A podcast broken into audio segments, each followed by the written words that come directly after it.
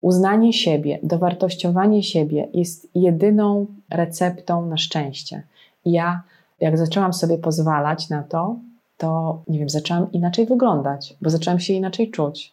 Jak ktoś mi pisze, że ja promienieję albo e, świecę, albo mimo, mimo, mimo swojego wieku, wyglądam dobrze, to też zabawne, to ja wtedy mówię, ale mój Boże, no właśnie to na tym polega, że ja wiem, jaką drogę przeszłam, wiem, kim jestem, e, wiem, na co mnie stać, wiem, na co mnie nie stać i czego nigdy nie zrobię, bo po prostu nie, nie mam tej energii, nie będę się, nie będę już udowadniała komukolwiek, czemukolwiek, jaka to ja jestem. Kompletnie sobie to odpuściłam, ale kompletnie.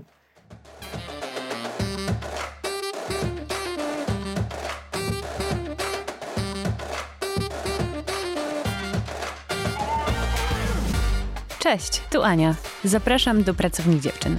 Pracownia Dziewczyn to cotygodniowe rozmowy z dziewczynami i kobietami na temat edukacji. Edukacji tej szkolnej, czasem akademickiej, a już na pewno tej życiowej. Dokąd miała zaprowadzić, a dokąd zaprowadziła. O wyborach, o porażkach, o pracy kobiet, z kobietami i nad sobą. Zapytana kiedyś, ile pani, kobieta sukcesu, poświęciła dla kariery, odpowiedziała – ja nie zrobiłam kariery, przepraszam, wiem, że to może być rozczarowujące, ale ja tego tak nie czytam i tego tak nie widzę. Ja po prostu spełniam swoje marzenia. A więc marzycielka, która zdaje się konsekwentnie realizować swoje życzenia.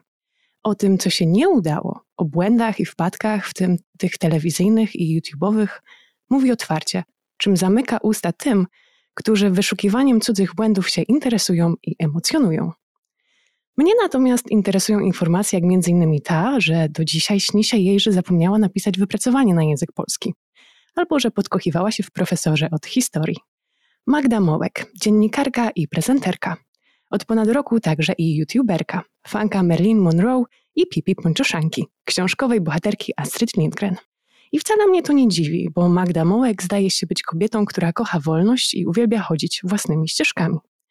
Wyposażona w rodzicielskie zaufanie i możliwość decydowania o sobie, przeszła fascynującą drogę od Legnickiego Radia L przez m.in. przełomowe studio powodziowe w TVP Wrocław, stacje TVP, TVN, TVN Style, aż po w moim stylu na YouTubie. Jaką naukę chciałaby przekazać następnemu pokoleniu i co robiła na wagarach we Wrocławiu. Dzisiaj rozmawiam z Magdą Mołek o jej edukacji, ścieżce zawodowej i o tym, czego mogą nauczyć się od niej osoby zainteresowane pracą w dziennikarstwie. Magda Mołek. Magdo, bardzo miło mi jest powitać Cię w Pracowni Dziewczyn. Dzień dobry Aniu, dzień dobry wszystkim. Wolisz odpowiadać na pytania, czy je zadawać? Po tylu latach pracy już chyba nic nie jest stresujące, ani jedno, ani drugie, choć do niedawna dużo bardziej denerwowałam się odpowiadając na pytania, ale przez ostatnie prawie już półtora roku kiedy zmieniłam swoje życie zawodowe i zrozumiałam też, że istotne jest to, jak o sobie mówimy w przestrzeni publicznej, to odpowiadanie na pytania już mnie nie denerwuje, nie stresuje, nie powoduje, że czuję jakiś dyskomfort. Zadawanie pytań to jest moje życie i to kocham najbardziej, ale nie męczę się już odpowiadając, więc pytaj o co chcesz. Super. A pamiętasz e, tak może gdzieś z początku swojej kariery, kariery w cudzysłowie, oczywiście mhm. wracając do tego, co powiedziałam powiedziałam na początku, przedstawiając Ciebie, gdzieś na początku Twojej drogi, czy później takie sytuacje, czy takie rozmowy, które faktycznie może właśnie nie stresowały Cię, ale czułaś, że to jest jakiś przejście przez jakiś próg, że to jest e, jakaś ważna rozmowa i musisz się bardzo przygotować i musisz trzymać emocje na wodzy? Poruszyłaś dwa ważne tematy. Po pierwsze, przygotowanie do spotkania, a po drugie, kontrola emocji. W tym drugim jestem beznadziejna. Nie potrafię powstrzymywać prawdziwych swoich odczuć, emocji, wrażeń. Chyba przez chwilę byłam jedną z najczęściej wzruszających się, y, czy tej płaczących na antenie dziennikarek, ale w ogóle mi to nie przeszkadzało. Wydawało mi się, że, że właśnie wnosząc do tę nową wersję istnienia, funkcjonowania dziennikarza w świat, yy, raczej zrobiłam więcej dobrego niż złego, bo pokazałam, że my też mamy emocje, że my też mamy poglądy, że my też jesteśmy ludźmi, jesteśmy ludzcy. Dotyka nas rzeczywistość, mamy wspólne z osobami, z którymi rozmawiamy, doświadczenia, więc one rezonują w nas. I jeśli ktoś opowiada mi o czymś, co ja bardzo dobrze znam, i co mnie śmieszy, co mnie wzrusza, co mnie denerwuje, no to ja po prostu reaguję normalnie, prawdziwie, jak człowiek. Czyli albo płaczę, albo się śmieję, albo jestem, nie wiem, zdenerwowana. A ta pierwsza rzecz, czyli, czyli to gruntowne przygotowanie się do spotkania z kimś, e, ja to mam we krwi. Tak było zawsze. Ja jestem z tej starej szkoły, że żeby zadać jedno pytanie, trzeba, trzeba umieć znaleźć wcześniej na, na temat tego pytania przynajmniej 10 odpowiedzi. E, nie po to, żeby sugerować te odpowiedzi, tylko po to, żeby w jakiś sposób postrzegać obiektywnie rozumowanie drugiej strony. Czyli jeśli ja o coś pytam i mam na ten temat jakąś wiedzę, to jako dziennikarz nie dam się wyprowadzić w pole. Czyli wiem coś, co pozwala mi rozumieć na przykład odpowiedź drugiej strony, wymijającą, czasem nieprawdziwą. Chociaż ja, ja muszę powiedzieć, że nie pracując w dziennikarstwie newsowym, politycznym, publicystycznym, mam tę łatwość, tę prostszą drogę, że ja po prostu rozmawiam z ludźmi o emocjach. Nie muszę rozmawiać o politycznej poprawności, o narracji, o przekazie dnia i jestem z tego powodu bardzo szczęśliwa. Czyli jestem emocjonalna, ale jestem zawsze bardzo dobrze przygotowana. Powiedziałaś, że jesteś z tej starej szkoły przygotowania. Czy jest nowa szkoła przygotowania? To znaczy, że myślisz, że teraz, czy współcześni dziennikarze może mniej się przygotowują, mniej właśnie myślą o tym, jakie jakie odpowiedzi mogą uzyskać na swoje pytania? Czy tylko pytają, żeby pytać?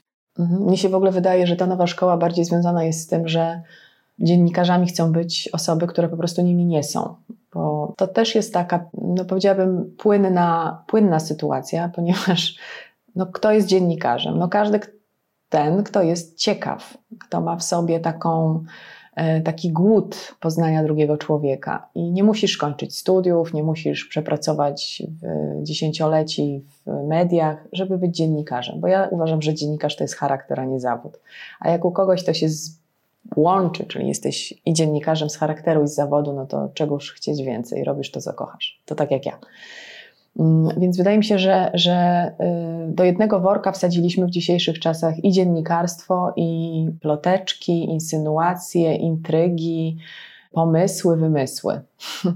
Więc tu, tutaj, tutaj jest we mnie ta niezgoda. Jednak moim zdaniem dziennikarz to jest ktoś, kto wie i ktoś, kto w imieniu innych osób zadaje pytania. Bo teoretycznie dzisiaj każdy może te pytania zadawać. Dystans pomiędzy ludźmi, którzy nas czegoś chcą nauczyć, czy albo chcą być jakimiś wzorami. Dystans pomiędzy nimi a nami bardzo się skrócił, choćby przez media społecznościowe. Dzisiaj łatwiej jest ich na czymś złapać albo coś osobiście dopytać, więc właściwie każdy może zadawać pytania. Ale dla mnie dziennikarstwo to jest trochę więcej i jednak wydaje mi się, że istotą tego zawodu jest takie dopytanie rozmówcy, żeby dostać prawdę. A ona się kryje nie tylko w słowach, ona się kryje w gestach, w mowie ciała w energii, którą ja tak śledzę i której jestem e, admiratorką.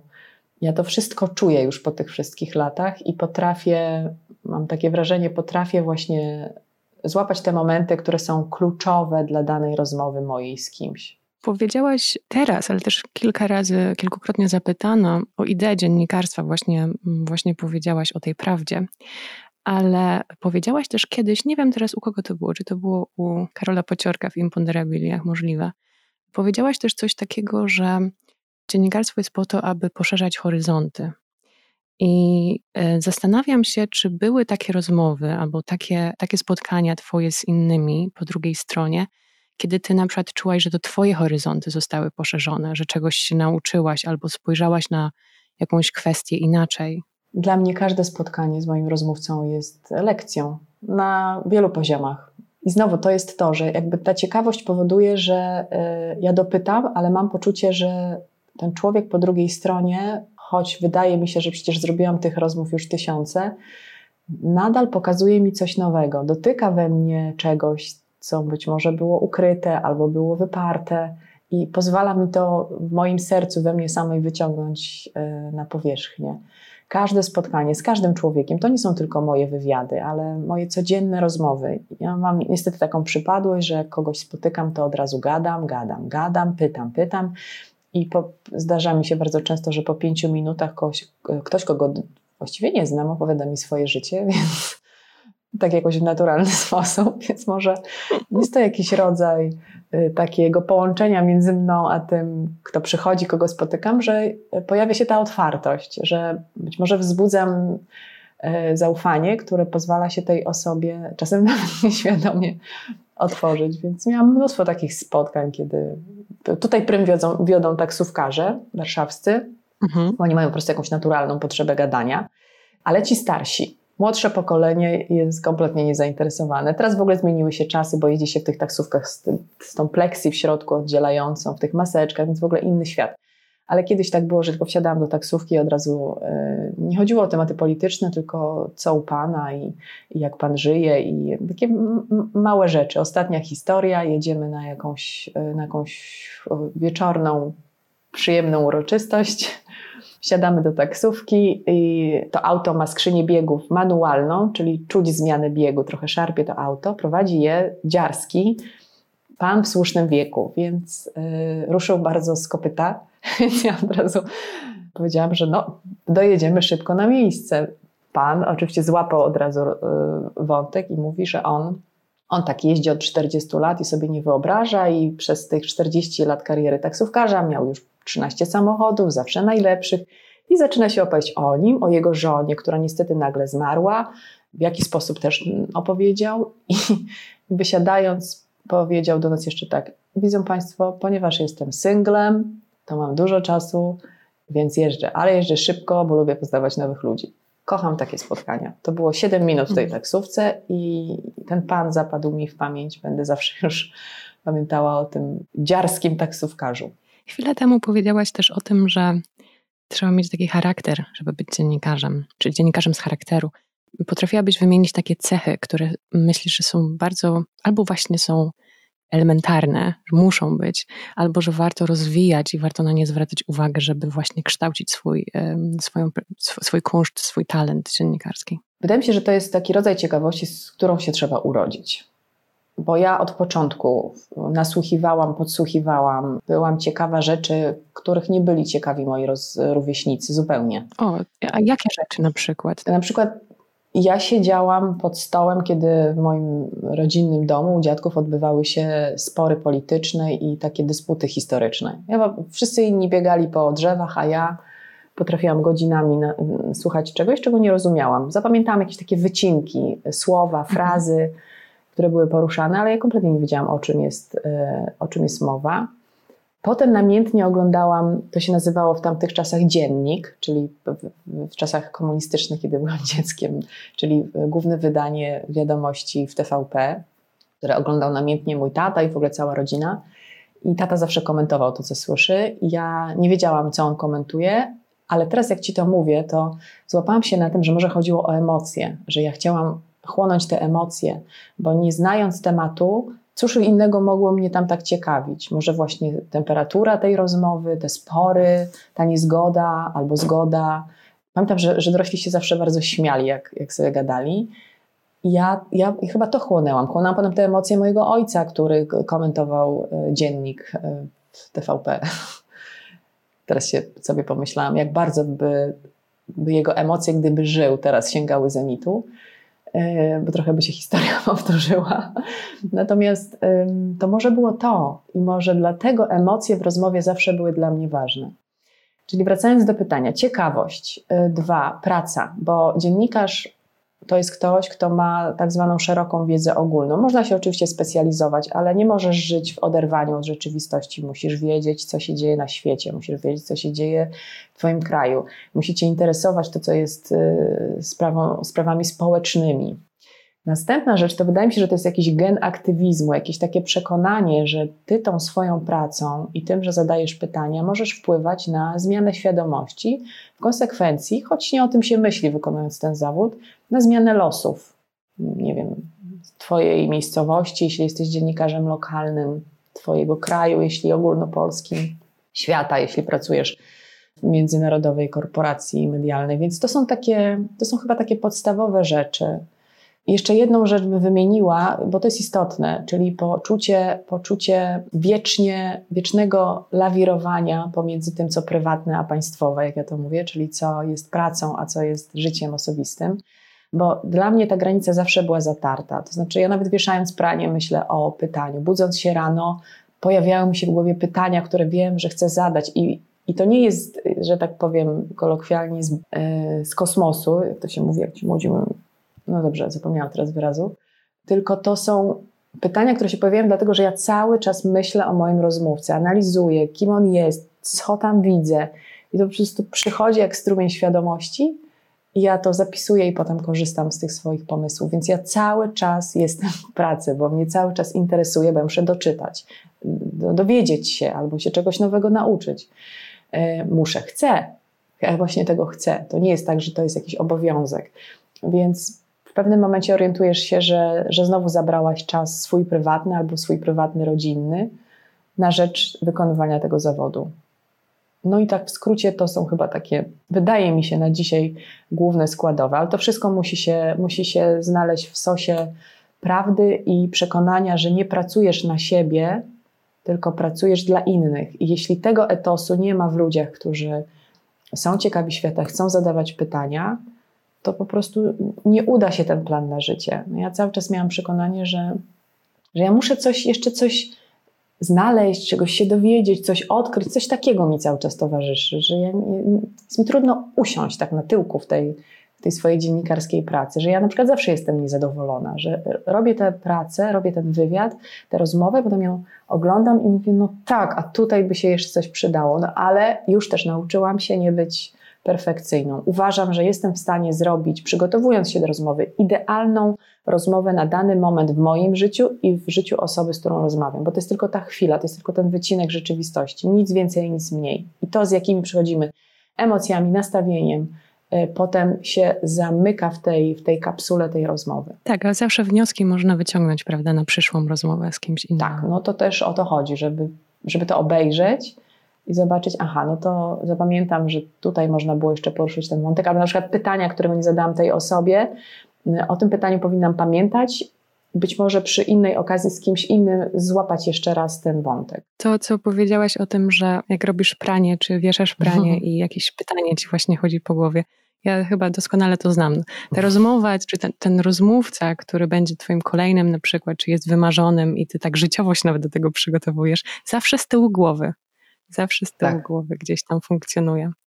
Zanim o rodzinie, bo bardzo się cieszę, że powiedziałaś o ojcu i o, o tym siedzeniu pod stołem, zanim o to Cię jeszcze bardziej wypytam, e, zamykając temat tej nauki, czy charakteru dziennikar, dziennikarza i przygotowania i nauki i tak dalej, czy jest coś w dziennikarstwie, czy jest coś, czego dziennikarstwo Cię nauczyło, a czego się może nie spodziewałaś, albo to Cię zaskakuje, że, że coś takiego, e, czegoś takiego dziennikarstwo, czy bycie w mediach uczy? E, ten zawód uczy dyscypliny i konsekwencji a ja jestem średnio zdyscyplinowana i średnio konsekwentna, więc dla mnie na przykład jest to wieczne wychodzenie z własnej strefy komfortu, bo ja bym wolała mhm. odpocząć, poleżeć, ale mnie to cały czas trzyma w, w, w taki, na takim stand-by'u, czyli na takiej, w takiej gotowości, że ja coś będę robić i że już mam tę ostatnią godzinę, ten tak zwany deadline na przygotowanie, na, na, na zrobienie tego projektu. Mm, więc to jest, to jest rodzaj dyscypliny, i myślę, że gdybym wykonywała inny zawód, na przykład była malarką i nie miała zleceń, to bym była żadną malarką. Ja po prostu szurnęła pędzlem, jeśli bym nie musiała, to bym nie szurnęła drugi raz, wolałabym poleżeć. A ten zawód i fakt, że na przykład umawiasz się z innymi ludźmi, że w jakiś sposób od siebie zależymy, że się szanujemy. Ja szanuję ich czas, oni szanują mój powoduje, że ja się y, stawiam do pionu i przygotowuję. Więc dyscyplina, konsekwencja to, to chyba siostra dyscypliny, no bo trzeba, trzeba rzeczy przygotować, yy, zrobić, przeprowadzić, zmontować, wypuścić. Mam swój rytm. Każdy wtorek na kanale, na moim YouTubie, yy, na kanale w moim stylu, o 20 pojawia się rozmowa. Choćby nie wiem, co się działo, a przez te ostatnie ponad rok, przez te wszystkie miesiące, Miałyśmy parę z brzozą takich sytuacji, w których wisiało na włosku to, czy ta premiera się pojawi, czy nie. Więc ja miałam też, dotknęłam też odpowiedzialności ogromnej. To jest moim zdaniem kolejna rzecz, której uczy ten zawód. Powiesz słowo, ono do ciebie wróci, więc uważaj, jakich słów używasz, bo to jest odpowiedzialność za wszystko, za to, co mówisz, jak mówisz, do kogo mówisz. To jest wszystko istotne. Wiadomo, że ludzie mają różne poglądy. Jednym się podoba to, jak ja rozmawiam, inni się z tego śmieją. To wszystko szanuję, ale kiedyś Nina Terentiew powiedziała coś bardzo mądrego ludziom w tym zawodzie, w naszym w zawodzie dziennikarskim. To było wiele, wiele lat temu, ponad 20, ale ja to zapamiętałam że nikt nie jest dolarem amerykańskim, więc nie będziemy się wszystkim podobać. Każdy z nas jest inny, więc ma inną grupę, jak ja to mówię, swoich ludzi. Ja mam swoich ludzi u siebie na kanale na YouTubie, e, do nich trafiam i ja wiem, że oni idą ze mną i że oni, one, oni piszą mi, że dla nich jest to istotne, co ja mam do powiedzenia, że ich to E, czegoś uczy, że im to otworzyło oczy. To jest moim zdaniem najpiękniejsze w tym zawodzie. Jak ktoś do mnie pisze, dziękuję Pani za tę rozmowę, bo otworzyła mi oczy na coś tam, albo odkryłam osobę, z którą Pani rozmawia na nowo, albo uważałam, że on, ona jest głupi, głupia, ale wysłuchałam rozmowy u Pani zaskoczyła mnie ta postać. Jestem nią zachwycona. To jest moim zdaniem to, to moje takie muzolne, powolutku docieranie do prawdy, które odbija się w uczuciach, w odczuciach, w sercach, w umysłach moich, moich widzów, moich odbiorców, no to to nie wiem, czego chcieć więcej. Dyscyplina, konsekwencja, odpowiedzialność. Tego mnie uczy ten zawód. Chciałabym nawiązać do nazwy w moim stylu, skoro zaczęłaś mówić o swoim kanale i o tym, że niektórzy, niektórym się ten styl rozmów e, podoba. W ogóle twój styl rozmów w całej, e, na całej ścieżce twojej dziennikarskiej, nie tylko w moim stylu, e, że niektórzy się śmieją. Wiem, że byłaś już pytana wielokrotnie o to, co, co to znaczy, że masz kanał w moim stylu. Natomiast wydaje mi się, że zawsze tam umykało to, co mnie najbardziej interesuje, to znaczy to, jak ty byś określiła swój styl rozmowy. Nie to, że możesz zaprosić kogo chcesz i że nie, nie jak ktoś w telewizji nie mówi ci, że nie możesz zaprosić gwiazdy z internetu, ale to jakbyś, co jest dla ciebie ważne w tej rozmowie, w tym jak ty rozmawiasz z drugim człowiekiem, że faktycznie tworzy się ten twój styl rozmowy. No właśnie na to nie mam jasnej odpowiedzi. Absolutnie. O nie! Ja, nie mam. Ci, ja, ja, mam swoją interpretację twojego stylu, no właśnie, zawsze bo, jest bo może to jest, może to jest właściwe, bo to jest tak, wiesz, jak piosenka, muzyk ma swój styl tworzenia muzyki, w jakimś nurcie się czuje najlepiej. Znowu malarz ma e, swój styl i, i też to robi. Ktoś, ktoś inaczej e, widzi wnętrza mieszkania, robi je w swoim stylu. Ktoś pielęgnuje ogrody i one są jakby odzwierciedleniem jego duszy. Może po prostu ja traktuję ten zupełnie niematerialny zawód. Zobacz, to jest, to nie istnieje to, co ja robię. To nie istnieje, to nie jest materialne. Więc nie można tego właśnie rozpatrywać na, na tej płaszczyźnie, że się czemuś przyjrzymy i zobaczymy, ach, bo to jest takie, takie, takie, takie. Jak ja patrzę na swoją pracę, to ona jest dla mnie tak boleśnie ulotna, a jednocześnie tak ważna, że to jest, no to jest taki dysonans, to się tak, to się tak nie, nie klei, a jednocześnie ma jakąś ogromną wartość i ma, ma ten mój rys, ale no bardzo trudno być sędzią we własnej sprawie, więc ja nie wiem, jak, no to jest moje, po prostu to się musiało nazywać w moim stylu, ale jaki jest ten styl, to ja chyba jednak zostawię Wam interpretację, bo ja tego nie wiem. Ja po prostu robię to tak, jak czuję i jak, jak mi serce podpowiada. Z charakterem i z instynktem. Tak. No, ja, ty jesteś dla mnie idolką, jeżeli chodzi o intymne rozmowy z drugim człowiekiem. Więc ten styl jest po prostu tak, dla mnie tak oczywisty i tak uderzający, ale um, mogę sobie interpretację zostawić dla siebie. Chyba, tak, że ale może słyszeć. Właśnie, ale jeśli, jeśli tak w istocie jest, to może każdy ma jakiś, jakąś inną swoją wersję programu w moim stylu i jest tam jakiś rodzaj dominującej e, opinii, kiedy czytam komentarze, bo ja bardzo skrupulatnie czytam komentarze, ponieważ uważam, że tam się pojawia dużo prawdy w, w tych treściach. Dlaczego? Mhm. Dlatego, że trzeba mieć bardzo dobre intencje, żeby wysłuchać tej rozmowy. One są długie, one mają między 30 a 40-45 minut. To są długie propozycje jak na YouTube'a. Standardowo E, kilkanaście minut mają, kilka, kilkanaście minut mają odcinki YouTube'owe. Ja wiem, że są tacy, którzy, e, moi koledzy, koleżanki, którzy robią jeszcze dłuższe rozmowy, ale moje, moje w zasadzie są do, dość długie i udaje mi się utrzymać bardzo wysoki poziom tej słuchalności pierwszej, który jest e, istotny, jeśli chodzi o w ogóle wyniki działania kanału i profilowanie też kanału na YouTubie. Więc ja bardzo cenię osoby, które obejrzą w całości czy wysłuchają, bo dużo osób słucha moich rozmów, nie patrzy, ale w istocie też nic nie tracą, bo kadry są statyczne, nic tam się nie dzieje. A potem ma jeszcze energię, żeby się podzielić odczuciami. Usiądzie, napisze. Ja to szalenie cenię, bo ja widzę, że e, ja sama jestem osobą komentującą, ale mm, jak, jak rzadko, nie wiem z jakiego powodu, znaczy jak bardzo musi mnie e, coś złapać za serce, żebym ja chwyciła e, telefon i wcisnęła tych kilka wyrazów i posłała do osoby, której chcę to powiedzieć. Bardzo to doceniam. Więc i te komentarze, które są na tak, oraz te, które są na nie, bo ja je czytam, często polemizuję, Udało mi się na przykład jedną z pań, która dosyć ostro mnie krytykuje, wydaje mi się powoli przeciągnąć na swoją stronę. Więc takie historie też się zdarzają. Jeszcze trochę z nią koresponduję i wydaje mi się, że ona dołączy do mojego kościoła, więc zobaczymy. Przejdzie na jasną stronę mocy. Ja nie wiem, dla niej ja jestem po strasznie ciemnej stronie mocy, więc y, w ogóle jeśli przejdzie na drugą stronę, to może zobaczę inny świat. To trzymam kciuki za to. Dziękuję. Wróćmy na chwilę do bycia małą Magdą, do Twojego dzieciństwa.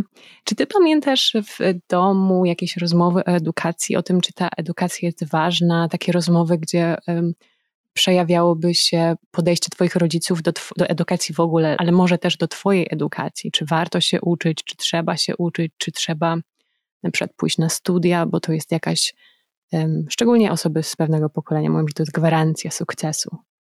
E, studia, także dyplom. Jak to było u Ciebie w domu? No właśnie tak, że to było bardzo istotne. Moi rodzice mm, to są roczniki lat 50., czyli powojenne pokolenie dzieci tego, tego baby boom, które się rodziło zaraz po wojnie.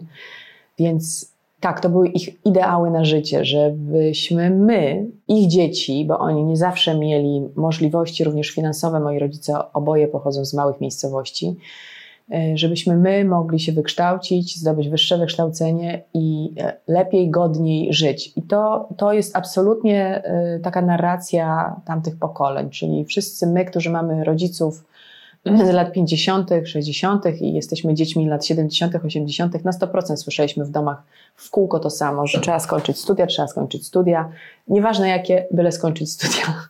E, nie zgadzałam się nigdy z tą wersją wydarzeń, ale ja jakoś tak naturalnie wiedziałam, że ja, mi nauka przychodziła łatwo, więc ja będę się uczyć. Ja mam dwóch braci, oni oczywiście byli nic poniami, oni się nie chcieli uczyć, no to ja, no mi nie przeszkadzało czytanie książek i uczenie się. Przychodziło mi to po prostu zupełnie naturalnie, ale pamiętam w domu wybór. Mieliśmy, mm, mieliśmy działkę, którą rodzice założyli po to, żeby mieć, nie wiem, własne warzywa, owoce i trzeba było na tej działce im pomagać i pracować. A jak się nam nie chciało, to ojciec trzymał nas krótko. Mówił albo działka, albo książki, albo działka, albo lekcje, więc wybierajcie. No to wybór mhm. był słaby, nie? Bo to właściwie między czym tu wybierać, no, między niczym.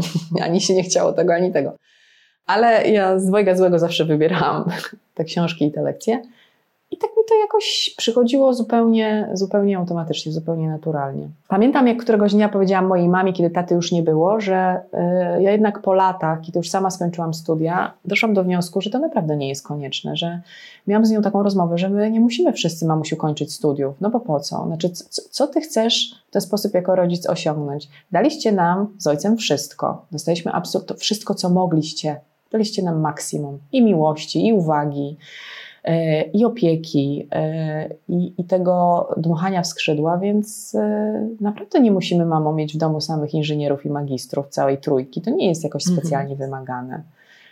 I wydaje mi się, że w pewnym momencie moja mama odpuściła, mm, bo zrozumiała, że e, to, co ja tłumaczyłam, że wydaje mi się, że w pewnym momencie, że kiedyś będziemy tęsknić za tym, żeby jednak byli ludzie, którzy mają rzemiosło, nie muszą być koniecznie super wykształconymi osobami z tytułami i stopniami naukowymi, ale mają rzemiosło, mają jakiś fach, w czymś są dobrzy, a to bazuje na ich talencie. I zawsze wydawało mi się, że to jest bardziej istotne, że jak odkryjesz talent, i pójdziesz za nim, to po prostu będziesz szczęśliwym człowiekiem, a wiedza, którą zdobędziesz, i tak będzie wystarczająca i dobra.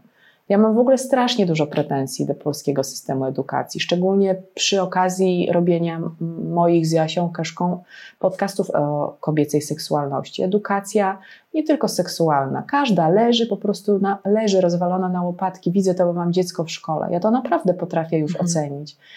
I to, to są tak wszystko trudne tematy, że jak dzisiaj słyszę, że ktoś zagania swoje dzieci do nauki, do szkoły, no to ja pytam, ale czy ty wiesz, czego uczy się twoje dziecko, czego ono jest uczone? Czy to jest naprawdę tak istotne? Więc jeśli ono, nie wiem, ma talent muzyczny, chce śpiewać, to wesprzyj, bo może to jest jego droga. My nigdy jako rodzice tego nie wiemy. Odkąd mam dzieci, jestem na to bardzo uważna.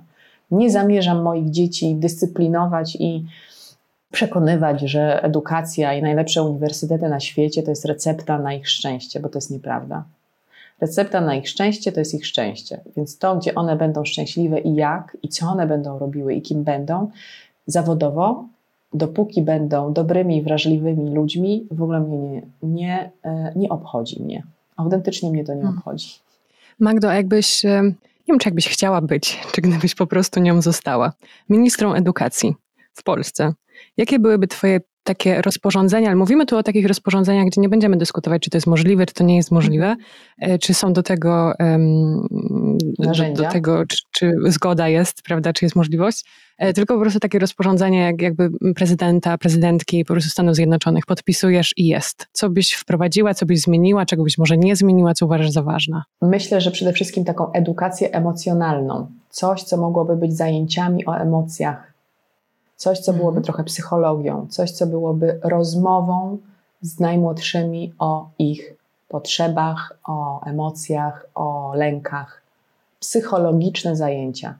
Natychmiast bym od tego zaczęła. Czyli zaczynamy od, gdybym miała taką czarodziejską różdżkę i miała pieniądze i infrastrukturę, no bo znowu, będąc dziennikarzem, doskonale wiem, jak skostniały, zabetonowany jest ten system. Trzeba było po prostu rewolucji żeby naszym dzieciom, które dzisiaj idą tokiem e, nauczania i edukacji sprzed 150 lat, żeby im po prostu zaproponować coś nowego. Zaczęłabym od tego, żeby wzbudzić w nich poczucie e, wartości, e, świadomość, godność, żeby one były budowane od środka emocjonalnie. Zatem poszłaby oczywiście, albo w tym byłaby edukacja seksualna, ponieważ uważam, że ciało i umysł to jedno, że oddzielanie, separowanie potrzeb y, ciała od potrzeb umysłu jest największą zbrodnią.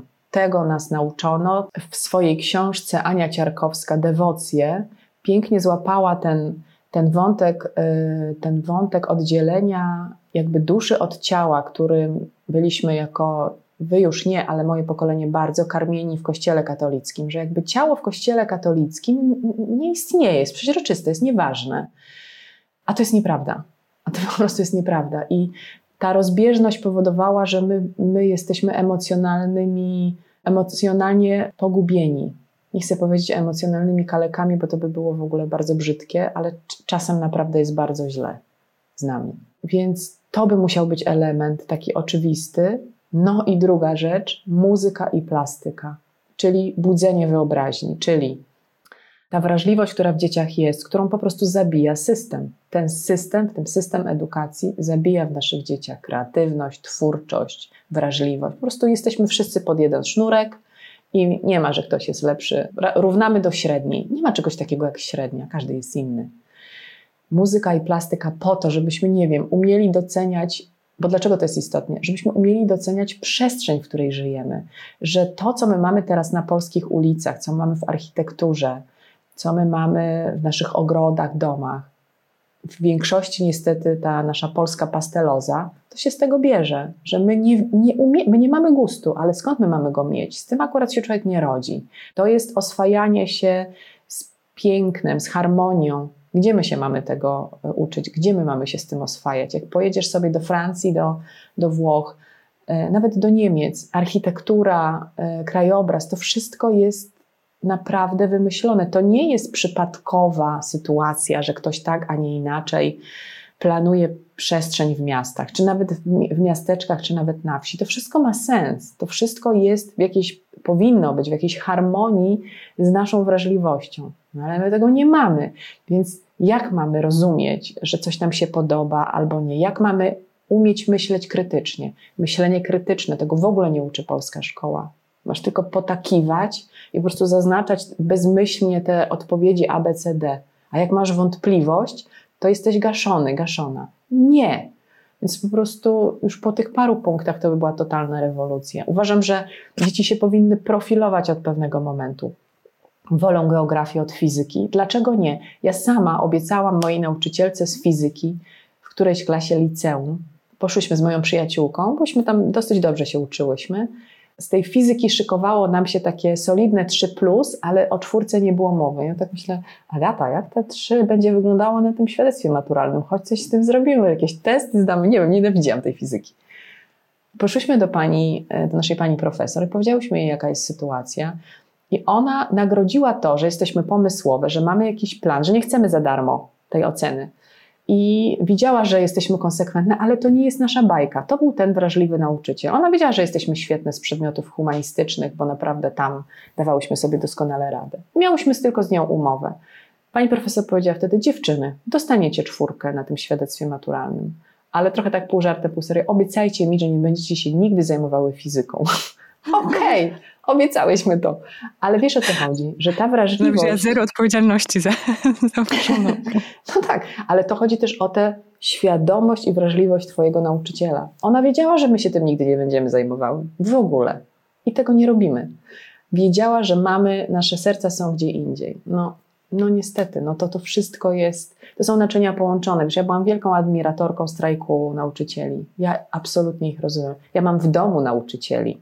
Już na szczęście jeden były, a moja teściowa jest na emeryturze już, ale to byli nauczyciele akademicy, mój mąż i moja, jego mama, moja teściowa. Więc ja wiem, jaki to jest trud, ile trzeba z siebie dać, żeby wychowywać, edukować następne pokolenia. I ja wiem, że do tego zawodu nie trafiają tylko wspaniali ludzie że trafiają tam cudowni ludzie, ale większość, co ma ich tam przyciągnąć? Te beznadziejne wynagrodzenia, ta, to nieszanowanie, nierespektowanie tego zawodu. Mhm. No nie ma, wiesz, to, to są, to wszystko z czegoś wynika i na koniec zamyka się w, w jednym kole. No niestety. Ale gdybym była ministrą edukacji, no to musiałaby to być rewolucja. Nie wiem, czy budżet by to wytrzymał. Och, chciałabym to zobaczyć. Cieszę się, że powiedziałaś o tej fizyczce. Czy były jakieś inne jeszcze nauczycielki, może gdzieś na studiach albo w dziennikarstwie, w pracy w mediach, nauczyciele tacy też bardziej metaforycznie, mentorzy, mentorki, którym ty dużo zawdzięczasz, właśnie takie może ukształtowanie ciebie jako człowieka w zawodzie, w, na ścieżce twojej? Wrażliwości na słowo nauczyła mnie moja polonistka z liceum profesor Antoniewicz, słynna kosa w moim, w moim liceum, e, ale ona nam nie odpuszczała. I, I, przy niej uczyłam się już tej konsekwencji dyscypliny, bo jak trzeba było e, przeczytać e, powieść Lalka, to trzeba było na wyrywki znać cytaty z książki, opisy postaci, bohaterów. Więc ja po prostu siedziałam wieczorami po nocach i to robiłam. Moim zdaniem to był wstęp do pracy dokumentacyjnej dziennikarza, bo ja musiałam mhm. zdokumentować książkę, którą przeczytałam. Ona mnie nauczyła poszukiwania informacji o człowieku. Ja teraz robię to z łatwością. Czyli nie, nie zaskakuje cię to, że ci się śni, że zapomniałaś tego wypracowania na język polski? W ogóle mnie to nie zaskakuje. Tak, to była moja, moja trauma. Chociaż ja w sumie w pewnym momencie polubiłam yy, Polaka, czyli polubiłam po, język polski bo, bo mi dobrze szło, bo jednak okazało się, że być może pani Antoniewicz zobaczyła we mnie jakiś, jakiś rodzaj zainteresowania i talentu, że ta ciekawość, którą ja miałam, mogła mieć ten wymiar właśnie materialny, tak, że wszystkie moje książki, moje lektury były po prostu pozaznaczane żółtymi karteczkami, miałam do tego przypisy, po prostu naprawdę wiedziałam, na której stronie w, w Nadniemnem co się wydarzyło. Ja na przykład bardzo lubiłam Nadniemnem, wiem, że wszyscy nie cierpią tej książki, no ale ja na przykład lubię, no. Więc znowu, to jest to, no, że, że być może ona zobaczyła już wtedy we mnie coś, czego ja kompletnie nie byłam świadoma. I tak długo to piłowała, aż to się stało dla mnie wartością. Super sprawa. Mm, muzyka, i tu powrót do szkoły podstawowej, mnie się zawsze wydawało, że ja nie umiem śpiewać, a pani magister Sycz, Maria Sycz, która była nauczycielką muzyki mojej, mnie uczyła w mojej podstawówce, prowadziła też chór dziewczęcy, do którego mnie któregoś razu zaprosiła i ja po prostu zamarłam, bo ja wiedziałam, że ja mam, jak to mówię, tatuś o mnie mówił, bo mój tatuś był trochę takim amatorem muzykiem, że ja mam raczej dębowe ucho, ale okazało się, że ja w miarę śpiewam czysto, a na przykład śpiewam bardzo wyraźnie, bo mam dobrą dykcję. I od tego byłam w moim pierwszym głosie w naszym chórze dziewczęcym, żeby y, wyraźnie było słychać, o czym śpiewamy. Czyli ja miałam za zadanie y, słusznie wyśpiewać te wszystkie szyczy, ży i tam różne spółgłoski. Więc y, tacy wspaniali ludzie tacy nauczyciele zdarzali się na mojej ścieżce, bardzo. Mój nauczyciel historii, który potrafił o historii w liceum tak opowiadać, że nie dość, że się wszystkie w nim kochałyśmy, no to jeszcze naprawdę się tej historii uczyłyśmy. Dla siebie, bo to się okazywało, rewolucja francuska to była dla mnie po prostu ja serial w odcinkach. Rewolucję francuską przebyliśmy na kilku lekcjach i ja po prostu, ja potem obejrzałam wszystkie filmy możliwe, do, dorwałam literaturę mówiącą o tym okresie historii Francji, bo, bo mnie to fascynowało, bo on potrafił opowiadać o tym, jak e, dzisiaj najlepsi pisarze, którzy tworzą kryminały. No, więc to są takie, takie milowe kroki tak, w moim odczuciu, w moim życiu. I, I, nie chciałaś studiować na przykład historii, nie chciałaś iść na polonistykę, tylko mm, ekonomię i zarządzanie. No właśnie, cała ja. Skąd, skąd to się wziął? Skąd ten kierunek? Wiesz co, nie, nie chciałam studiować polonistyki, bo wydawało mi się to znowu za ciasne. Nie ciągnęło mnie w tamtą stronę. Historię trochę tak, bo ja w pewnym momencie swojej edukacji w trzeciej klasie liceum wpadłam na pomysł, żeby studiować prawo na Uniwersytecie, Polsko-Niemieckim Uniwersytecie Wiadrina w Frankfurcie nad Odrą, ponieważ to mhm. było dosyć blisko mojego domu, bo jestem z Legnicy. Wydawało mi się to takie trochę naturalne, no ale trzeba było tam dobrze znać niemiecki, do którego się przygotowywałam i ten język też polubiłam, dzięki temu, że pani profesor Pundyk mi nie odpuszczała. Więc jak mi groziła dwuja, to już po prostu się naprawdę nauczyłam tego języka i nie żałuję, bo bardzo go do dzisiaj lubię. Natomiast historii właśnie trzeba było się też bardzo dobrze uczyć i bardzo dobrze znać historię, żeby zdawać na prawo. Mm, więc trochę tam chciałam, widzisz, trochę chciałam te, e, postudiować tej historii, ale tak mi się potem życiowe losy poukładały, że to nie było możliwe, więc trochę na zasadzie, trochę na zasadzie zrobię cokolwiek, bo już pracowałam zawodowo, już byłam, już byłam, pracowałam już w radiu i w telewizji, pójdę na te studia ekonomiczne, bo są w Zielonej Górze, czyli niedaleko mojej Legnicy i są zaoczne, więc tak sobie trochę popatrzę właśnie na tą ekonomię. To było bardzo popularne w latach 90. Wszyscy chcieliśmy być biznesmenami. Znaczy, tak nam się wydawało.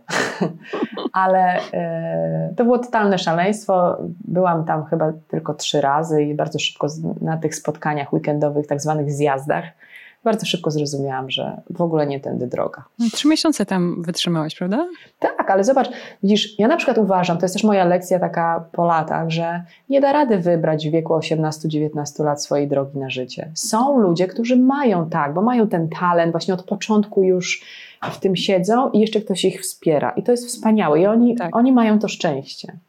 Ja tego szczęścia nie miałam, ja nie wiedziałam, co ja będę robić. Więc ja uważam, że na przykład ludzie, którzy robią sobie te, to słynne gap year, czyli te przerwy, nie wiem, kończą szkołę średnią, a potem chcą się rozejrzeć. Jeśli mają wystarczająco dużo determinacji, to wrócą na studia, bo to znowu jest to niebezpieczeństwo. Jak nie pójdziesz od razu, to może już ci się nie będzie chciało, ale ty się zastanów, czy ty w ogóle chcesz iść na studia, bo może ty nie chcesz, może twoim powołaniem jest coś kompletnie innego, więc po prostu dajmy tym młodym ludziom żyć, dajmy im złapać oddech, albo dajmy im się właśnie y, przekonać, że to nie to. Ja się przekonałam, że ekonomia to nie to, Rok później się przekonałam, że prawo na Uniwersytecie Wrocławskim to też nie to. W ogóle mnie to nie interesuje. Nudziło mnie to po prostu. Byłam znudzona jak norka tym, jak można w ogóle się tym fascynować. Kompletnie mnie to nie obchodzi.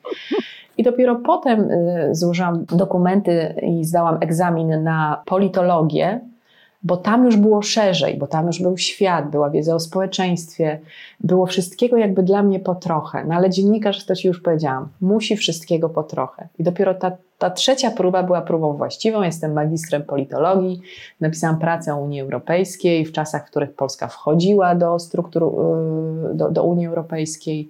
Więc y, ja byłam na przykład bardzo dobrze przygotowana. Ja wiedziałam o co chodzi z tą, z tą wspólnotą, dlaczego to jest dla nas takie ważne. Y, fascynowało mnie to, ile będziemy mieli benefitów z tego, że, że będziemy y, członkiem Unii Europejskiej. Ja to po prostu wszystko wiedziałam. Moi rówieśnicy nie mieli pojęcia, bo studiowali właśnie coś innego, nie interesowało ich to, a ja weszłam głębiej, bo dostałam wiedzę. Więc wiesz, no, no to są wszystko takie rzeczy, które powodują, że, że ja się rozwijam. Bo spróbowałam, odpuściłam, spróbowałam, darowałam sobie. Trzecia próba była udana. Jak się, jak się odbyła ta obrona pracy magisterskiej, skoro przed momentem, zanim weszłaś na salę na obronę, zadzwonił do ciebie Marek Sierocki i zapytał, czy pani poprowadzi dla nas festiwal w Sopocie? Wiesz co, to było, to było po prostu, to było tak irracjonalne, że ja chyba to wyrzuciłam z głowy i poszłam po prostu bronić tej pracy magisterskiej, bo, no bo Równie dobrze, znaczy ja, ja znałam głos pana Marka e, Sierockiego, no bo oglądałam Teleekspres, ja wiedziałam, że to jest naprawdę on, że to nie mhm. jest, nie wiem, jakaś wkrętka. Jeszcze tak, wtedy chyba tak. nikt nie robił tych programów wkrętek. E, natomiast ja raczej się skupiam na tym, co jest teraz momentem. Tu i teraz jest istotne. Więc wyszłam po prostu i, i ja, chyba nawet, ja chyba nawet miałam, nie wiem, czy to było tak, że ja miałam, byłam po, po obronie i czekałam na wynik. To chyba było tak. I wtedy by zadzwonił ten Aha, telefon. Okay. E, I ja po prostu weszłam tam już jakby ze świadom. Tak mi się wydaje, już nie pamiętam tego, to było tak strasznie dawno ale y, nie pamiętam jakiegoś dodatkowego obciążenia, że wchodzę, a przed chwilą po prostu zadzwonił do mnie wielki świat. To też nie, ja tak nie reaguję. Mhm. Ja nie mam czegoś takiego, że ja się nawet zastanawiam, jak ja bym wygrała szóstkę w totka, to bym powiedziała tak, no dobrze. Bo ja, ja, tak, ja nie potrafię tak, wiesz, piszczeć, piszczeć z jakiejś nieokreślonej radości. Ja, y, mnie fascynują inne rzeczy, tak zwane wielkie cele, to jest jakby tylko dla mnie koniec drogi, którą ja idę, żeby zobaczyć ten szczyt. Naprawdę w zdobywaniu szczytu, nie zdobycie szczytu jest najistotniejsze. Wiem to też, bo chodzę trochę po górach i wiem, jakie emocje mi towarzyszą, kiedy ciągle idę i już wątpię i nie mam siły, i wtedy z czym się konfrontuję z, z, z, w sobie, versus y, co się ze mną dzieje, jak już stoję na tym szczycie. No stoję i mówię, uff, no dobra, no stoję, dobra, ładnie albo nieładnie, to zależy, czy trafisz na pogodę. Mm ładnie albo nieładnie i potem jest jeszcze, no dobra, trzeba jeszcze zejść, nie? Ale, ale potem myślę, ale wspaniale, jak zejdę, to zjem to, napiję się tego, ja jakby mam coś takiego. Y, dany moment jest istotny i tu i teraz. Nie to, co, co tam się wydarzy, och, co z tego będzie, bo zadzwonił do mnie pan Marek Sierocki. Jeszcze nie wiem, będzie co będzie. I w ogóle nie wiedziałam, co będzie, bo to, co przyszło, było tak inne od tego, nawet co ja bym sobie mogła projektować i co na pewno sobie projektowałam, że nie mogłam sobie w tym momencie wyobrażać, co się dzieje, czy też co mnie czeka. A jak powiedziałaś, że ta droga jest ważniejsza niż ten cel i ty dojdziesz gdzieś tam i jesteś, ale to jest jakby właśnie tylko chyba nawet element czegoś kolejnego, co przyjdzie za chwilę, prawda? to potrafisz się doceniać i potrafisz doceniać te wszystkie wysiłki i powiedzieć sobie, że jesteś dumna z czegoś i celebrować coś? Czy masz na przykład jakiś tutaj z tym w cudzysłowie problem i czasami, czasami na przykład nie dowartościowujesz się, że o, tam zaszłam, to zrobiłam? Dziękuję Ci za to pytanie, bo ono jest bardzo ważne w ogóle w takim temacie kobiecych potrzeb, ponieważ my zasadniczo jesteśmy nauczone spełniać cudze oczekiwania, nie iść ze swoimi potrzebami i marzeniami. Więc jak spełniasz cudze oczekiwania, to ciągle chcesz ich spełniać więcej, bo wydaje ci się, że im więcej cudzych oczekiwań spełnisz, tym będziesz szczęśliwsza, no bo w końcu robisz dobrze komuś. Nigdy w życiu żadna z nas nie będzie się czuła spokojna i szczęśliwa, jeśli będzie spełniała cudze oczekiwania. To jest to zawsze takie pytanie, które znalazłam w książce Glennon Doyle, e, Nieposkromiona. Pytanie brzmi tak: kim chciałaś być, zanim świat powiedział ci, kim masz być? Wracaj zawsze do tego, zawsze o tym myśl. Ja się tego nauczyłam. Ja mam dziesięciolecia pracy w bardzo wymagającym zawodzie za sobą ale w jakiś sposób zawsze starałam się siebie chronić. Raz lepiej, raz gorzej. Raz to było bardzo widać, jak ja się męczę, raz e, jak już wierzyłam w to, że jestem, że taka jaka jestem wystarczy, to mi, to mi było łatwiej i, i wszechświat też to widział. Natomiast nie ma, nie ma innej drogi. Uznanie siebie, dowartościowanie siebie jest jedyną receptą na szczęście. I ja, jak zaczęłam sobie pozwalać na to, to nie wiem, zaczęłam inaczej wyglądać, bo zaczęłam się inaczej czuć. Jak ktoś mi pisze, że ja promienieję albo e, świecę, albo mimo, mimo, mimo swojego wieku, wyglądam dobrze. to też zabawne. To ja wtedy mówię, ale mój Boże, no właśnie to na tym polega, że ja wiem, jaką drogę przeszłam, wiem, kim jestem, e, wiem, na co mnie stać, wiem, na co mnie nie stać i czego nigdy nie zrobię, bo po prostu nie, nie mam tej energii, nie będę się, nie będę już udowadniała komukolwiek, czemukolwiek, jaka to ja jestem. Kompletnie sobie to odpuściłam, ale kompletnie. I nagle zaczęłam brać głęboki oddech i żyć po swojemu. I, i to jest taka rzecz, który, bez której nic nas nie cieszy. Nic. Ja miałam takie lata, w takim zapędzeniu. Tak jak mi ostatnio powiedziała Anna Mucha, z którą zrobiłam rozmowę na YouTubie, że ona tak się zajęła zarabianiem pieniędzy, że zapomniała, że może je wydać.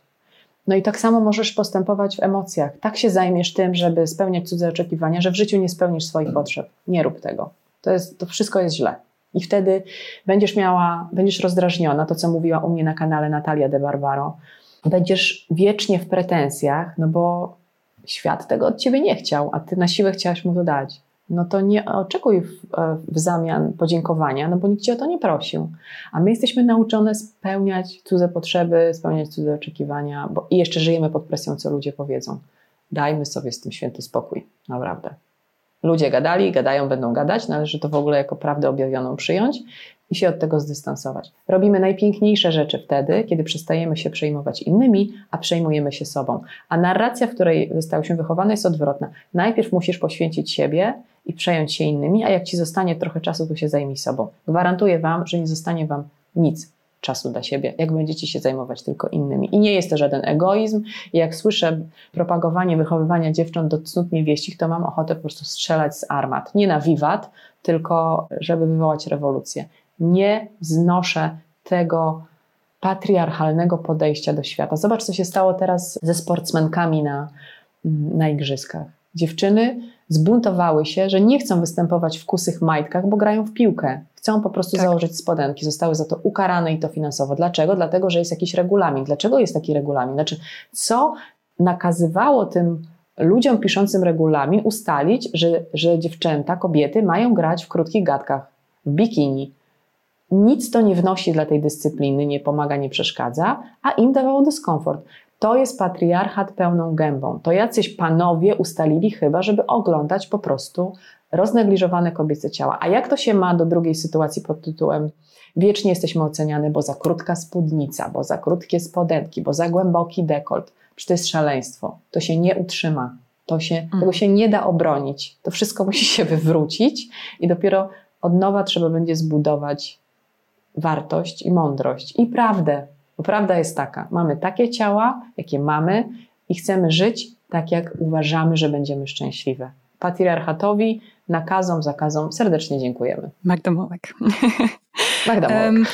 Na, nie na potwierdzenie, ale na podkreślenie Twoich słów i, i, wagi Twoich słów. Chciałabym tutaj przytoczyć, jeżeli pozwolisz, to co jest napisane, Twoje słowa, które są napisane na okładce czułej przewodniczki Natalii de Barbaro. Ile razy wątpiłam w swoją drogę, w swoją kobiecość, w swój talent. Ile razy schodziłam z mojej ścieżki życia, bo słuchałam innych, czułam się przymuszana. Chciałam kogoś zadowolić, stawiałam cudze potrzeby ponad własnymi. Ile razy płakałam z żalu, z bezsilności, ze złości. Tylko ja to wiem. Chciałabyś coś dodać do tego? Myślę, że jest to doświadczenie wielu z nas, wielu kobiet, wielu dziewczyn. Ono jest trudne, jest budujące, ale jeśli mogłabym, miałabym takie moce, żeby namawiać kobiety od początku, żeby sobie właśnie darowały patrzenie na innych i patrzyły tylko na siebie, to będę zawsze do tego zachęcać. Żebyście nie szły tą drogą, którą musiałam przejść ja, bo ona, nie powiem, że była mi niepotrzebna, ale będziemy wzrastać w takiej ogólnej świadomości, jak będziemy uczyć się na cudzych błędach. Czyli darujmy sobie zadowolenie innych, zacznijmy od siebie. To się nawet, zobacz, łączy z tym słynnym chcesz zmienić świat? Zacznij od siebie. To jest absolutna prawda. Te wszystkie moje rozmowy na kanale w moim stylu, one są o tym, że jak wrócisz do siebie i nie jest to egoizm, e, i nie jest to pycha, nic z cnót niewieścich. Nasze cnoty niewieście są właśnie dokładnie odwrotne niż te, które nam wpajano i nadal próbuje się to wyciągać na światło dzienne. Szanowni Państwo, średniowiecze już było, bardzo dawno temu. Potem było oświecenie. Zapraszamy do lektur. Naprawdę, to mówię do twórców tych bzdur. Nie da się zawrócić po prostu rozwoju świata. Im bardziej ten rzekomy porządek będzie cisnął na utrzymanie tych ram, tym bardziej one będą pękać w szwach. To się wszystko i tak zawali. Ja jestem, a jestem po prostu już o to spokojna. Natomiast do tego potrzebna jest pewność nas, nas, kobiet, bo będę mówić o nas, bo, bo nas kobiety znam, że wszystko jest dobrze, że jesteśmy wystarczająco dobre, że jesteśmy mądre, jak mówimy w moich naszych podcastach z Asią, rozważne i erotyczne, że wszystko jest na miejscu. Nie ma, tu się nic nie musi, z niczego nie trzeba rezygnować, nie trzeba się powściągać, nie trzeba sobie zabraniać. To wszystko ma prawdziwy sens, jak uwierzysz w to, że ty jesteś ok. Za dużo dodałam znowu. Uważam, że dobrze to napisałam na tej okładce. Nie warto. Ja jak tylko przeczytałam po raz pierwszy te słowa, zaczęłam się zastanawiać, czy znany jest ci syndrom oszustki. Takiego. Um, no właśnie nie. Co to za syndrom? To jest takie. Nie wiadomo kto i jak wiele osób by ci mówiło, że jesteś zdolna i umiesz coś robić i fantastycznie to robisz, to ty wątpisz w to cały czas i myślisz, że ktoś cię nakryje, że oszukiwałaś, że, że nie jesteś taka dobra, jak wszystkim się wydawało. Nie, nie mam tego syndromu. Miałam go w żartach, jak mówiłam, zanim odeszłam z telewizji, jak mnie ktoś pytał właśnie o karierę, o zawód, a ja zawsze mówiłam, słuchajcie, przecież to jest bójda. Któregoś dnia, ja zawsze się śmiałam, któregoś dnia ktoś odkryje, że cała ta magia telewizji to jest tylko magia, nic za tym nie stoi. I po prostu wtedy okaże się, że to było bez sensu, co my robiliśmy, że to było, to były tylko, mm, że to była tylko scenografia, że nic za tym nie stoi. I że wtedy okaże się, jak spadną nam maski oraz gacie, jak bardzo byliśmy oszustami. I to raczej wiesz, jeśli już to żartobliwie i w tym, i w tym kontekście, ale nie mam syndromu oszustki, nie. A powiedziałaś przed chwilą o tej pysze, o pysze i o egoizmie, że to właśnie nie jest ani egoizm, ani pycha, żeby o sobie dobrze mówić i żeby, żeby zadbać o swoje potrzeby. Z czego Magda Małek jest dumna? Jestem, jestem bardzo dumna z tego, że kanał na YouTubie, podcasty, moje podcasty, które robię też e, dla innych podmiotów, podcasty dla Reserved, moje podcasty o seksualności, kanał na YouTubie w moim stylu, że to są takie rzeczy, które wiem to z wiadomości, z maili, z listów, zmieniają patrzenie osób, które to oglądają albo słuchają, na rzeczywistość. Z tego jestem dumna, bo, bo wiem, że tylko razem możemy dokonać jakiejś zmiany. Ale ja zaczęłam od siebie, zmieniłam siebie i siebie w sobie, i jakby z tym gotowym materiałem poszłam do, do innych, i dlatego, dlatego dostałam z powrotem tyle dobra. I z tego jestem dumna, że się, że się nie bałam w pewnym momencie, że wiele lat się bałam, ale potem powiedziałam sobie, do cholery, czego ja się boję? Zrobię to, co czuję, że będzie dobre, bo ja tylko czułam to, że to będzie dobre, ja nic więcej nie wiedziałam. Potem się okazało, że jest mnóstwo niespodzianek, ale znowu, ponieważ miałam tak dobre intencje, okazało się, że mam już rozwiązania, że jak się pojawia problem, to i tak za nim zaraz stoi rozwiązanie. Jakby wszechświat, los zsyłał mi gotowe, gotowe rozwiązania. I ja nie wiem, czy jestem jestem bardzo zadowolona z tego, czy jestem dumna, bo mi się.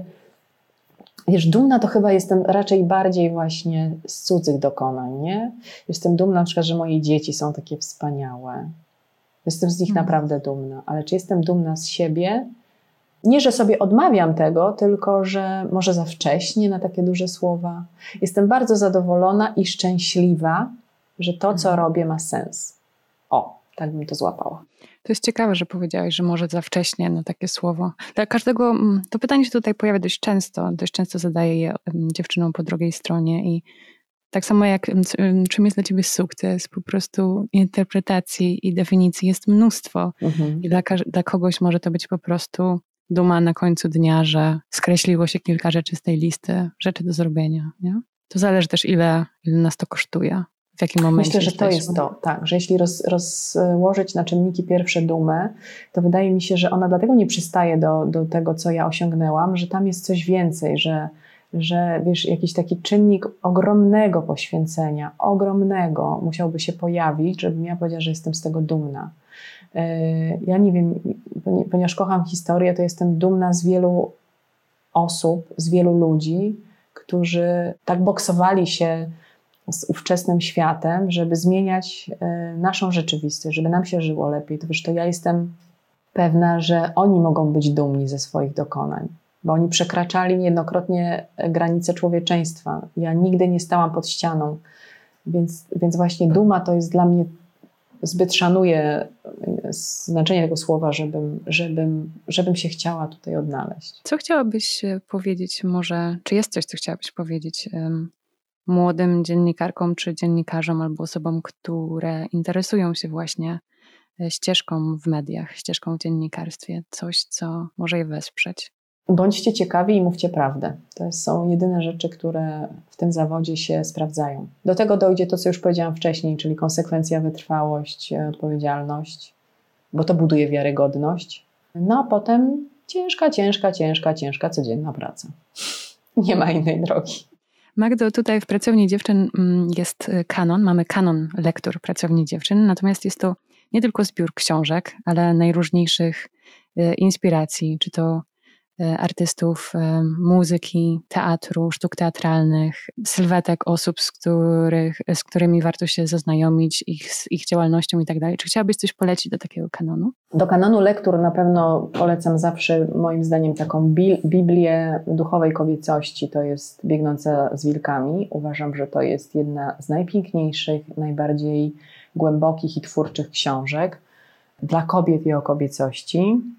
Jeśli chodzi o filmy, nie wiem, bo ja nigdy nie, nie znam się tak na kanonie, żeby, żeby proponować coś, co jest y, klasyką, ale ja na przykład wychowałam się na filmach y, Krzysztofa Kieślowskiego i kocham jego dokumenty, bo to było moje odkrycie, jakim ten twórca był wrażliwym człowiekiem na sprawy społeczne, więc dokumenty Krzysztofa Kieślowskiego są taką moją, y, moją radością bardzo cenię, jeśli chodzi o kino polskie Andrzeja Wajdę i mimo, że pan Andrzej obrósł mitem po prostu legendy już za życia, to ja uważam, że on pokazywał bardzo uczciwie Polskę i transformację przez te dziesiątki lat, kiedy, kiedy pracował jako reżyser.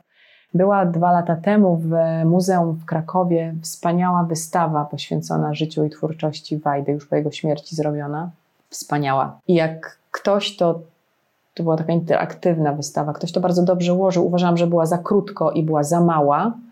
E, być może to jednak względy polityczne o tym wtedy decydowały niestety, ale to, to była taka rzecz, którą się powinno na stałe wystawić e, w jakimś muzeum, żebyśmy my mogli zobaczyć właśnie, bo ja wtedy sama dostrzegłam wkład i dorobek Andrzeja Wajdy w polską kulturę. Muzycznie jestem chyba daleko od Polski, ale słucham jazzu, bo mnie wkurza kompletnie, oraz relaksuję i nigdy nie wiem, który moment jest który. A jeśli chodzi o filmy, to sobie zaglądam na Netflixa i HBO. Bardzo kocham chodzić do kina, ale teraz po prostu boję się chodzić do kina. Rozumiem. Na koniec muszę zapytać, bo umknęło mi to pytanie wcześniej. Co ty robiłaś na tych wagarach, jak wsiadałaś w pociąg i jeździłaś do Wrocławia? O, kochana, wagary we Wrocławiu to najważniejsza rzecz w mojej edukacji. Wagarowałam z moją przyjaciółką Agatą, z którą zawsze wiedziałyśmy, że nie zostaniemy w Legnicy. Jeszcze nie wiedziałyśmy, dokąd nas poniosą te nasze młode nogi, ale okazało się w istocie, że ja wyjechałam do Warszawy i to był, to był jednak mój cel. A Agata zawsze, ponieważ świetnie mówiła po angielsku, chciała mieszkać w Stanach, dopięła swego. Wyprowadziła się po, po liceum najpierw do Londynu, potem do Nowego Jorku i od paru, dwudziestu paru lat mieszka w Santa Monica w Kalifornii. Tam prowadzi swoją firmę, jest absolutnie szczęśliwą dziewczyną, mamą, żoną i bizneswomanką, a jeździłyśmy po świat. Jeździłyśmy, żeby zobaczyć architekturę, żeby się poszwendać po y, mieście, w którym byli wtedy zagraniczni turyści, posłuchać języków. Jeździłyśmy oczywiście na ciuchy, ponieważ jedna z naszych pań profesorek ubierała się jak dla nas fantastycznie i wiedziałyśmy, że tak nam się wydawało, że ona mogła to tylko we Wrocławiu kupić, więc chodziłyśmy do tych domów towarowych i mówiliśmy, a wiesz, tu jest ten kostium, który miała pani profesor od niemieckiego. I jak ona potem przychodziła za jakieś dwa tygodnie znowu dobrze ubrana, to my już puszczałyśmy do siebie oko, bo widziałyśmy w domu towarowym te ubrania. Więc nie, nie było nas stać na żadne ekstra rozrywki wtedy, ale na przysłowiową kawę w jakiejś kawiarni i obserwowanie ludzi bardzo było nas stać i bardzo to lubiłyśmy. Po prostu lubiłyśmy te wagary we Wrocławiu. Dla nas to był wstęp do tego świata, do którego się wybierałyśmy w przyszłości. Magda Mołek. Magdo, dziękuję Ci za, za rozmowę przede wszystkim, ale też, co równie ważne, za Twoją działalność i za to, jak we wspaniały sposób dmuchasz tylu kobietom w skrzydła, jak nas wspierasz i jak nas inspirujesz. Dziękuję. To ja dziękuję. Mam nadzieję, że to się y, nigdy nie skończy. Chociaż z punktu widzenia naszego wspólnego kobiecego interesu byłoby dobrze, żeby, żebyśmy się już nie musiały wspierać, żebyśmy były tak pewne tego, że jesteśmy na właściwym kursie i nigdy w to nie wątpiły, żebyśmy już tylko miały samą przyjemność z istnienia. Zawsze powtarzam, zamiast podstawiać nogę drugiej kobiecie, podaj jej rękę, bo za rękę można naprawdę dużo dalej pójść, dużo przyjemniejszych okoliczności. Dziękuję Ci bardzo, Aniu, i pozdrawiam wszystkie wspaniałe dziewczyny, kobiety i chłopaków, i mężczyzn też oczywiście.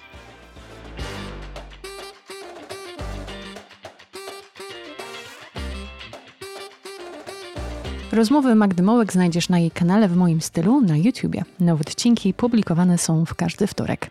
Magda działa również na Instagramie i na Facebooku.